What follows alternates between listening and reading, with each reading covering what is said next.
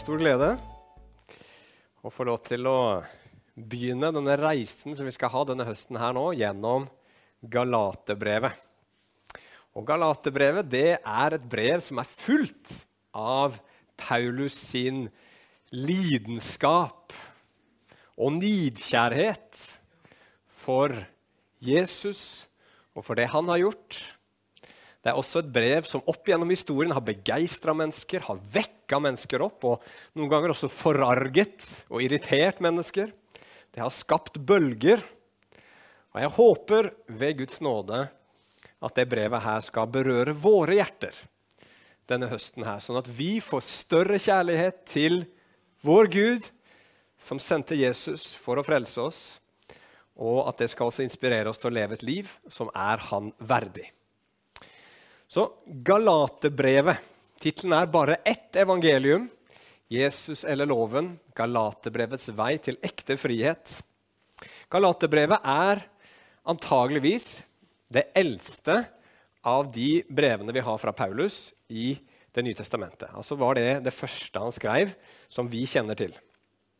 Man tror at det ble skrevet ca. år 48 eller år 49 etter Kristus og at det ble skrevet til en gruppe med menigheter som holdt til i et, et område i en romersk provins som het Galatia, eller Galatia. Og Den lå midt i eh, det som vi i dag kaller Tyrkia, det som på den tiden eh, hadde et annet navn. Og Der var det noen byer som Paulus besøkte på sin første misjonsreise. Jeg vil virkelig anbefale dere alle sammen å gå hjem etterpå dette her og lese Apostlenes gjerninger 13 og 14. For der finner du at dette her, disse menighetene som Paulus skriver til her, det er de første menighetene han planter. De ligger i en byer som Antiokia, i Pisidia, en by som heter Ikonium, Lystra, Derbe. Og Der er det mye som skjer, og som er nok litt av bakteppet også for det som skjer i, eller det som skjer som en bakgrunn for at Paulus skriver det brevet her. Det var nemlig sånn at I disse byene her så, så, lå det jødiske synagoger. og De skapte mye problemer for Paulus og Barnabas på denne misjonsreisen. Og som vi skal se, så virker det som det også er den avgjørende faktoren som gjør at det har blitt problemer etterpå òg, og som er foranledningen for at eh, Paulus har skrevet det brevet her. Det viser seg nemlig når vi leser dette brevet, vi finner ikke ut med en gang, men etter hvert som vi leser brevet, så skjønner vi at det har kommet noen falske lærere inn i disse menighetene i Galatia som har fortalt disse nye kristne, disse nye planta menighetene, at jo da, det er viktig å tro på Jesus, men det er ikke nok. Du må også følge de forskriftene som du finner i Det gamle testamentet, i Moseloven, som omskjærelse for alle menn, og alle disse forskjellige høytidene som de må holde, og alle disse lovene om hva man kan spise og ikke spise, som rent og urent. Og da når Paulus får høre det, så tenner han på alle plugger. Han reagerer. Og hvordan reagerer han? Jo, han skriver et brev. Og det er Galaterbrevet. Og Vi skal lese nå i dag helt fra begynnelsen av. Tittelen i dag er 'Ett rett evangelium'. Eh, og vi skal se at eh, for Paulus så er det her livsviktig å få et rett evangelium. Vi skal se hva det rette evangeliet er, og hvorfor det er så avgjørende å få det rett. Så da leser vi Galaterbrevet 1, og så skal vi lese vers 1-9 i Jesu navn. Der står det Paulus, apostel, ikke av mennesker eller ved noe menneske, men ved Jesus Kristus og Gud Fader, som oppreiste ham fra de døde, og alle søsknene som er sammen med meg, til menighetene i Galatia. Nåde være med dere og fred fra Gud Fader og vår Herre Jesus Kristus. Han som ga seg selv for våre synder, så han kunne fri oss ut fra den nåværende onde tidsalder, etter vår Gud og Faders vilje. Ham være æren i all evighet. Amen. Jeg undrer meg over at dere så snart vender dere bort fra Ham som kalte dere i Kristi nåde, til et annerledes evangelium som slett ikke er et annet, men det er noen som forvirrer dere og vil forvrenge Kristi evangelium. Men selv om vi, eller en engel fra himmelen, skulle forkynne dere et annet evangelium enn det vi har forkynt dere, han være forbannet. Som vi har sagt før, sier vi nå igjen. Hvis noen forkynner dere et annet evangelium enn det dere har tatt imot, han være forbannet. Kjære himmelske Far. Nå ber vi om hjelp fra Den hellige ånd til å forstå, til å gripe og til å selv bli grepet, Herre, av det som ditt ord forteller oss om evangeliet. Herre, hjelp meg med formidlinga. Gi meg ordene, hjelp meg å finne ordene lett, Herre. Og la meg legge det fram på en klar måte, og la det bli til liv her i, i, i formiddag i Jesu navn. Amen. Ok, første punkt. Et rett evangelium er livsviktig. Paulus begynner det brevet her, Galaterbrevet, som han veldig ofte begynner de fleste brevene ved å introdusere seg selv som Paulus, apostel. Men så blir det plutselig veldig annerledes. Han understreker nemlig veldig sterkt at han er ikke en apostel ved mennesker eller av mennesker, av noe menneske.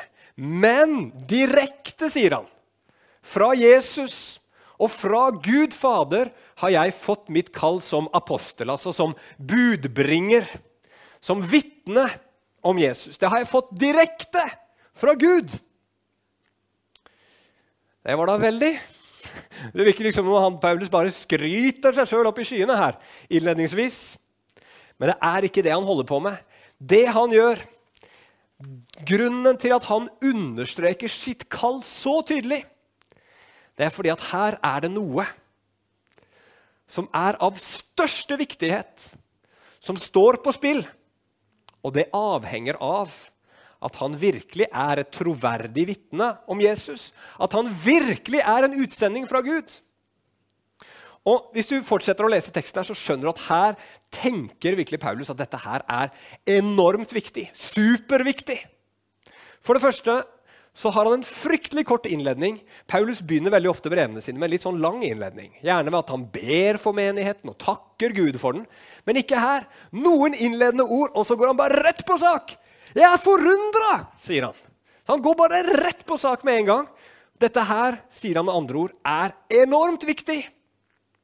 Og så, som vi leste videre, bruker han veldig sterke ord. Disse menneskene som har kommet inn, og sier at jo da, tro på Jesus det er bra, men dere må også holde Moseloven. Han sier disse menneskene som kommer med et annet evangelium, som han sier. Han sier ikke ja, det var jo dumt, da. huff a meg, nei, sånn burde det ikke være. Nei, Han sier hvis noen forkynner et annet evangelium, han være forbannet, sier han.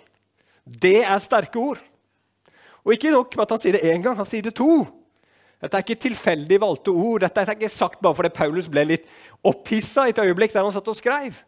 Nei, dette her er ord han har valgt med omhu, fordi dette her er viktig. Kjempeviktig. Og han vil at de som leser det brevet, her skal spisse ørene sine og følge godt med på det han har å si. For dette her er et spørsmål faktisk om liv og død. Tenk hvis det ikke var jeg som sto her oppe i dag. Men her sto det en major i full uniform og med litt medaljer og ditt og datt. Og så kom han til dere med to viktige beskjeder. Første beskjeden var følgende. Vi har fått uh, greie på, og alt tyder på at det er sant, at det er en atomrakett på vei mot Nærbø, og den vil treffe om ti minutter. Det er det første han sier. Og det andre han sier, er men hvis dere hører godt etter på meg, så skal jeg fortelle dere hvordan dere allikevel kan berge livet. Hvordan ville dere reagert da? Kan det hende at noen har fått litt panikk. Men jeg tror at hvis det iallfall hadde vært sånn cirka til stede, så hadde vi satt oss et hakk lenger fram på stolen. Vi hadde åpna øynene våre stort opp. Vi hadde som de sier, satt ørene våre på stilk. Vi hadde funnet fram en notatbok, og vi hadde fulgt nøye med. Ikke fordi at denne majoren var en så fantastisk karismatisk taler eller en så veldig dyktig formidler, men rett og slett fordi budskapet hans var et spørsmål om liv eller død. Og det er det Paulus forteller oss her. Dette her er et spørsmål om liv eller død. Derfor så bruker han så sterke ord. Og hva er det som er et spørsmål om liv eller død? Jo, at evangeliet blir rett. At det blir rett forkynt, og at det blir rett trodd. Det er viktigere enn å kjempe for miljø, selv om det er en viktig sak. Det er viktigere enn å kjempe mot urettferdighet i verden, selv om det også er en viktig sak. Det at evangeliet blir forkynt og trodd rett, det er av den aller største viktighet. Det sier Paulus til oss her i dette brevet. Og da er spørsmålet ok, hvordan kan vi vite da at vi har det rette evangeliet? Hva er det? Hva er det rette evangeliet? Og det er punkt nummer to. Hva tenker dere? Hvis du fikk det spørsmålet med, liksom, Du fikk et blankt ark, og så var det prøve her på Betel i dag. Skriv navnet ditt øverst i, i hjørnet. Og så skulle du skrive i noen setninger hva evangeliet er for noe. Hva hadde du svart? Hva hadde du skrevet da? Hadde du vært i stand til å formulere noe som kanskje man kunne gitt til et annet menneske, så det mennesket skulle forstå hva evangeliet var? Nå skal jeg ikke ta noen håndsopprekning, og ingen skal, å, ingen skal trenge å levere noen besvarelse her heller. Da kan det hende det hadde gått både bra og dårlig. Nei da. Men det er noe å tenke på. Hva er egentlig evangeliet? Og Når vi skal snakke om hva evangeliet er, så er det for det første veldig viktig å slå fast at evangeliet er et uforanderlig budskap som kommer fra Jesus og det han gjorde, og som har blitt formidla til oss gjennom apostlene, deriblant Paulus, som er en av de viktigste, kan vi sikkert si, og som vi finner i dag i Det nye testamentet. Og det er gitt én gang for alle. Paulus han sier selv hvis han skulle komme etterpå, eller en engel skulle komme etterpå og forkynne et annet budskap så, som, som er annerledes enn det som først ble gitt, så skal han være forbanna. Det budskapet der er ikke evangeliet. Det er det budskapet som har blitt gitt til oss en gang for alle, som er det sanne budskapet. Og det skal ikke forandres. Og det kan ikke forandres. Vi kan ikke fikse på eller endre på evangeliet. Det står fast en gang for alle. Så evangeliet er det vi finner i Bibelen. Og hva er det vi finner i Bibelen? Hvordan framlegger Bibelen evangeliet? Jo, Paulus han, han sier det her, Veldig kort, veldig konsist i vers 3-5. Vi kan lese det igjen. Der står det Nåde være med dere og fred fra Gud Fader og vår Herre Jesus Kristus.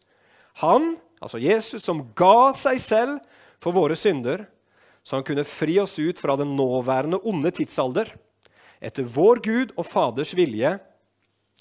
Ham være æren i all evighet. Amen. Der oppsummerer Paulus evangeliet.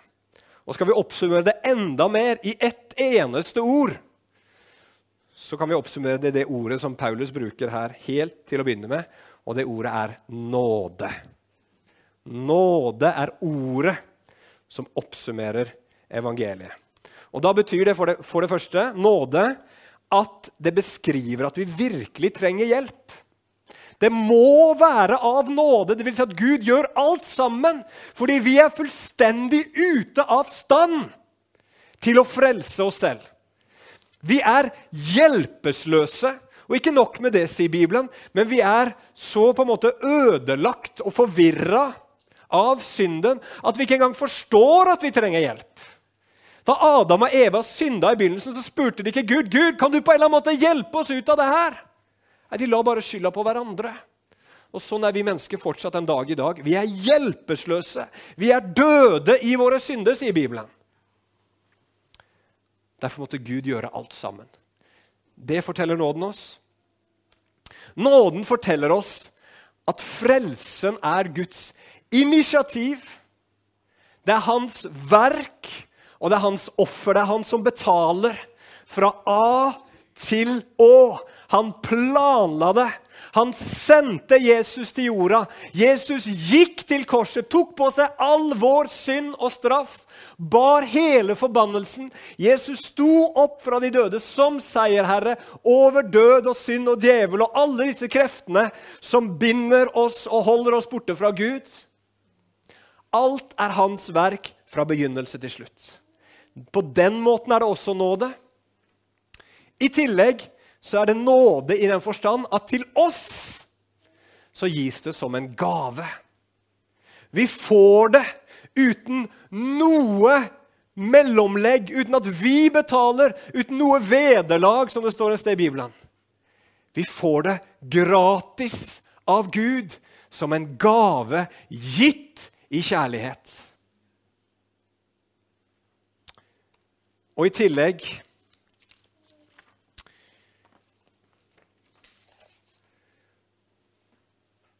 så beskriver nåde den ufattelige rikdommen som er i innholdet i det vi får.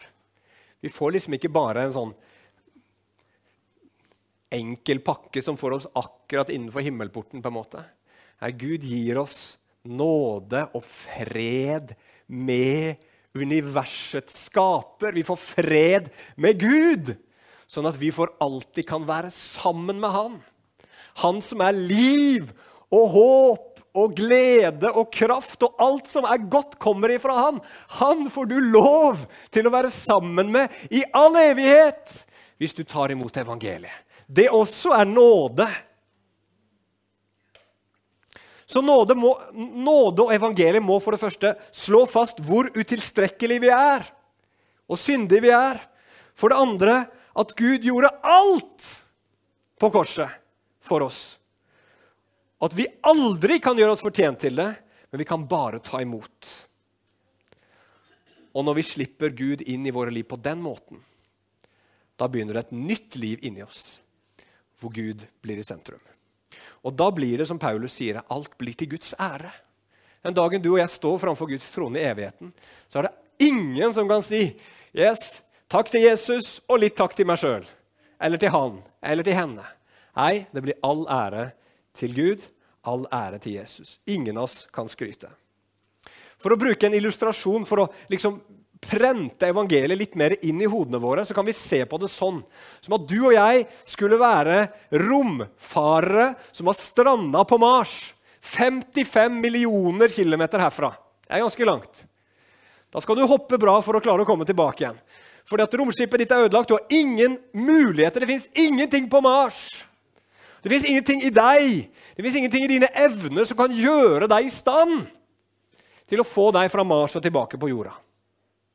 Og du har begrensa med oksygen, og du kommer snart til å dø. Så kommer Jesus i sitt romskip.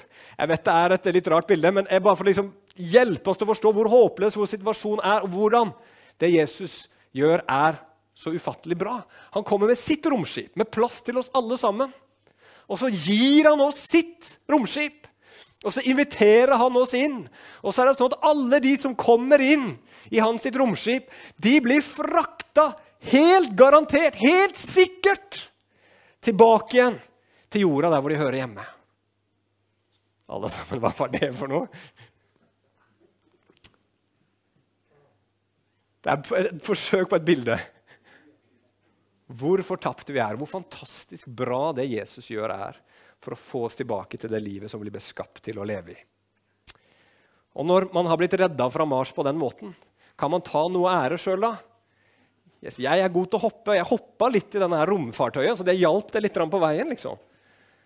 Nei, du, du må bare si alt ære til den som sendte ut dette romskipet til oss og fikk oss frakta trygt tilbake. Og Sånn er det med evangeliet. og Det er bare Jesus, det er bare Gud, som får all æren.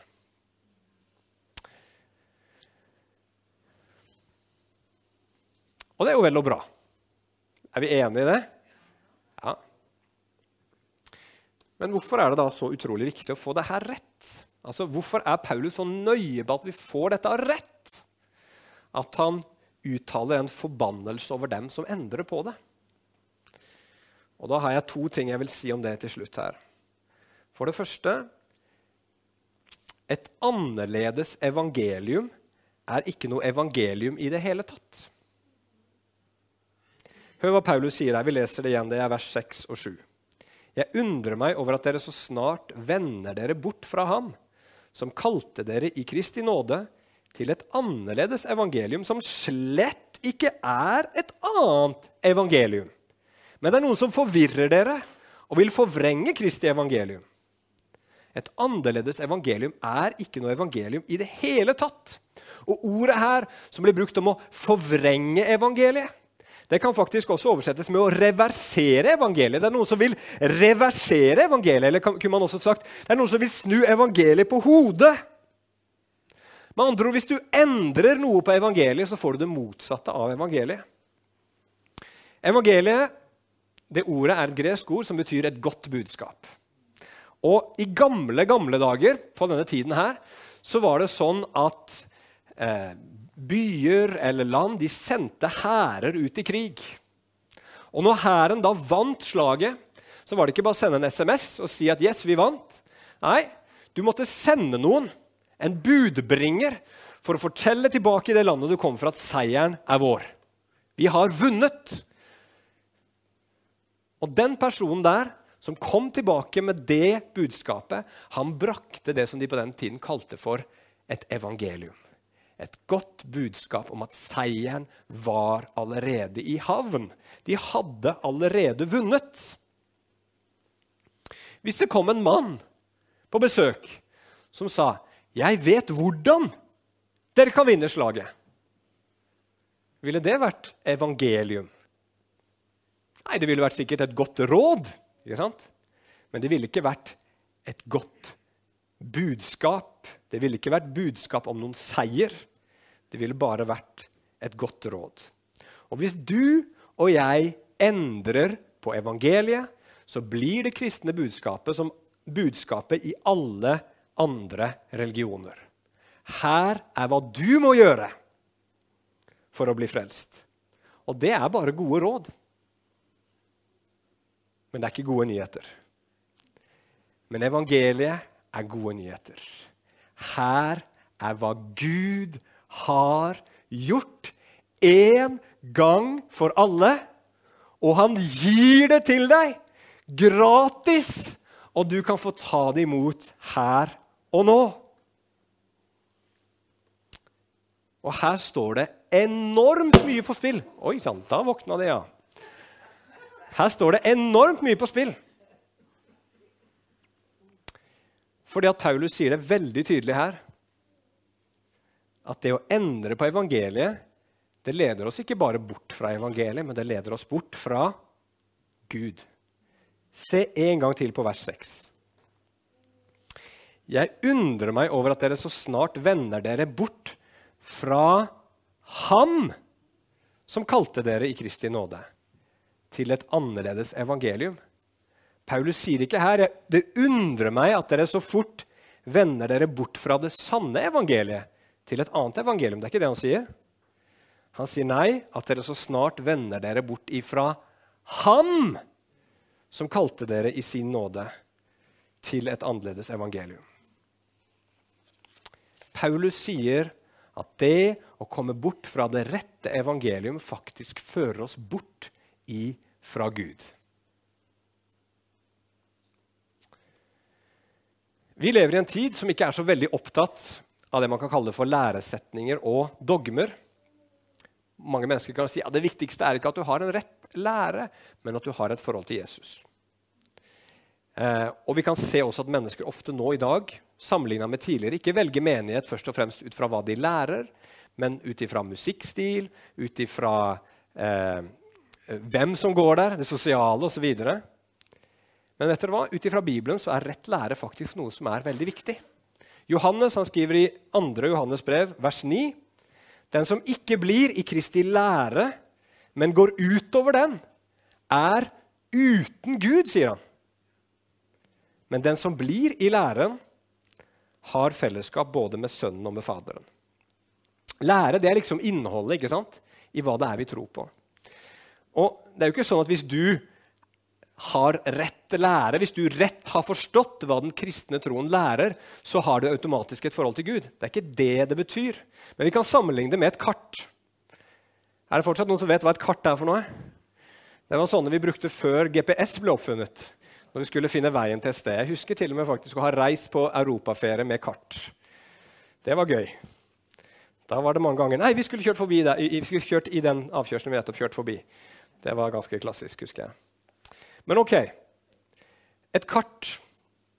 Hva bruker vi et kart til? Jo, for å finne fram. La oss si at du har noen venner som har invitert deg med på hytta si, og så har de gitt deg et kart. En hytte oppe i fjellet, et kart hvor du liksom kan finne veien til hvor de er. Hvis det skulle vise at det kartet de ga deg, var feil, da er det veldig vanskelig å finne fram, er det ikke det? Du kan ha flaks, kan gå bra, men jo større feilen er på kartet, jo vanskeligere blir det å finne fram til dit du skal. Og På samme måte er det med læren. Det Bibelen forteller oss om Gud og hva Han har gjort, er på mange måter det kartet som hjelper oss til å finne fram til Gud og til å komme dit hvor Gud vil ha oss. Det viser oss veien til hvem Gud er, og til hvordan vi får et forhold til Han. Og Hvis noen da forvrenger det budskapet eller forkaster det budskapet, så er det vanskelig å komme fram. Det er derfor rett lære er så enormt viktig. For ellers så går mennesket feil. Men så klart, bare at du har et rett kart, betyr ikke at du kommer fram automatisk. Du må gå veien. Og Det samme gjelder det med den rette læren. Vi kan ikke bare sitte her og ha rett forståelse av hva evangeliet er. Vi må ta imot, vi må tro, vi må hvile i det. Så det budskapet her må være rett, og det budskapet her må komme ut. Evangeliet må nå ut til naboen din. Vet naboen din hva evangeliet er? Vet de menneskene du kjenner, hva Jesus har gjort, og hvordan de kan ta imot det? Og ikke nok med det, vi må nå ut til alle folkeslag med dette budskapet. Jesus sa det, at vi skulle gå ut i hele verden og forkynne evangeliet. Og det fins altfor mange folkeslag. De snakker om rundt 6000 folkeslag som ennå er unådde. De må vi be for, og de må vi bruke våre ressurser til å nå. Gjennom at vi ber eh, for disse eh, folkeslagene, f.eks. gjennom Joshua Project, for de av dere som vet hva det er for noe. Det er en webside hvor du kan gå, så kan du få navnet på et unådd folkeslag, og så kan du be for det. Men også at vi gir til de som er involvert i misjon. Dette budskapet må ut. Men så er det et spørsmål som jeg syns er litt interessant. Hvorfor i all verden, hvis dette budskapet er så utrolig bra at det bare er av nåde fra A til Å, hvorfor skulle da noen ville forandre på det budskapet? Altså Hvem gjør noe sånt? Og svaret på det er vi mennesker. Hvorfor gjør vi det? Luther, nå skal jeg sitere Luther her, han har skrevet en kommentar til Galaterbrevet som uh, sikkert fins, hvis du bare er heldig og finner den, i et eller annet, uh, sånn brukt, en eller annen sånn brukt butikk. Men han sier følgende da, om dette med Galaterbrevet og frelse ved tro alene. Hør godt etter. Denne artikkelen, altså dette med frelse av tro alene, er at vi ikke ved oss selv og enda mindre ved våre egne gjerninger og arbeid blir frelst. Men vi er forløst fra synd, død og djevel og ført inn i det evige liv ved hjelp av en annen, nemlig ved Jesus Kristus, Guds enbårne sønn. Og så hør godt etter nå.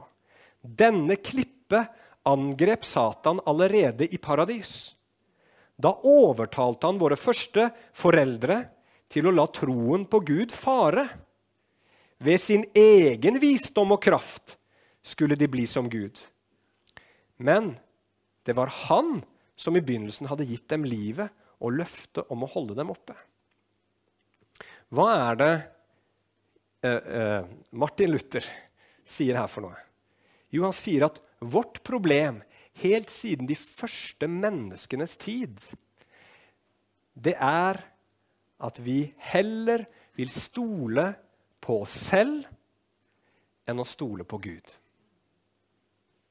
Evangeliet sier at du må stole 100% på Gud. Ikke 99 eller 90 eller mindre, men du må stole 100% på Gud.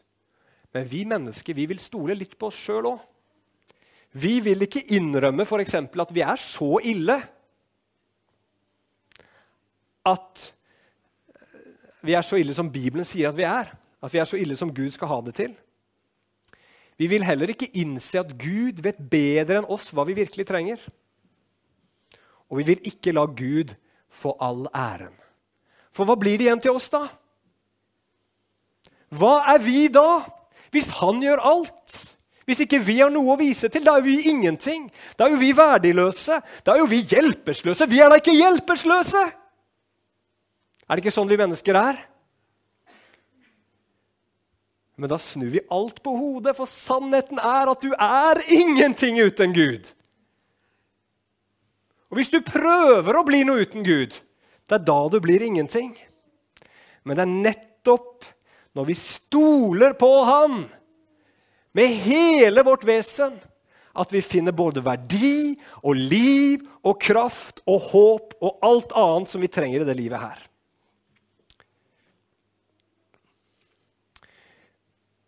Derfor sier Paulus det her. Derfor sier han at De som forkynner et annet evangelium, er forbanna. For de leder mennesker til å stole på noe annet enn Gud. Og hvis du stoler på noe annet enn Gud, da, da stoler du på noe som kommer til å svikte. Noe som ikke kan holde, noe som ikke kan gi deg framtid og håp. Det er bare Gud. Det er bare Gud. Og det her er ikke noe nytt som kommer plutselig i Det nye testamentet. Nei, det er noe som Bibelen sier helt ifra begynnelsen av. Og Ett eksempel på det finner vi i Jeremia 17, vers 5-8. Og Der sier Jeremia, så sier Herren, forbannet er den mann som stoler på mennesker og holder kjød for sin styrke, den som har et hjerte som vender seg bort fra Herren. For han skal være lik en einer i ørkenen han skal ikke få se at det gode kommer, men han skal bo på de uttørkede stedene i ødemarken, i et saltland som ikke er bebodd. Og så sier han, velsignet er den mann som stoler på Herren, som har satt sin lit i ham. For han skal være like tre plantet ved vann, som strekker sine røtter mot bekken, og som ikke frykter når heten kommer, men som alltid har grønne blad, og som ikke engster seg i et år med tørke, og som ikke holder opp med å bære frukt. Kjære venner, hva er tanken med å bruke så mye tid på evangeliet og på Galaterbrevet den høsten her? Jo, fordi det budskapet her er mye mer enn et budskap om hvordan du kan få din billett til himmelen.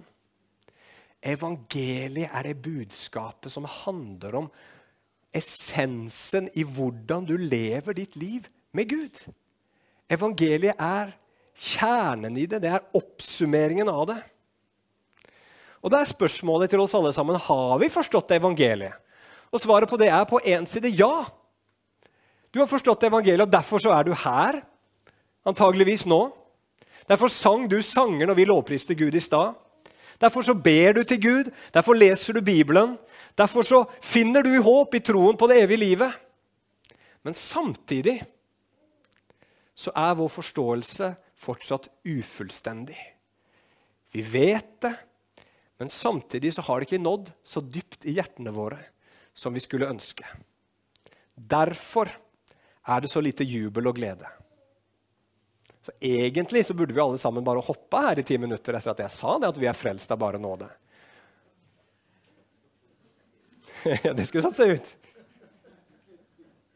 Men ikke nok med det. Det er fordi at evangeliet ikke har slått dype røtter i våre hjerter at vi er så bekymra og så redde så ofte. For at alt mulig kan skje. Men hvis du er redda, hvis Gud er din far, hvis din framtid er sikra i Jesus Kristus, og han har gjort alt, hva skal vi da være redde for? Og Det er også derfor at vi blir så frista av synden og denne verden. Hvorfor i all verden skal vi søke de tingene som er her? Som verden lover oss skal gi oss liv, når vi har funnet liv i Gud. Og Derfor tror jeg også våre liv bærer såpass lite frukt som de bærer. Så min bønn er til slutt, og det håper jeg er din bønn også, at Gud ved sin ånd skal la oss få se dypere inn i evangeliet denne høsten. her. Vi skal se at det har mange implikasjoner. Det berører alle aspekter av våre liv. Og så håper jeg at det skal føre oss inn i en dypere tro. At det skal gi oss en større brann for Gud og for evangeliet og for å dele det med andre. At det skal fornye livene våre og forandre dem. Amen. La oss be.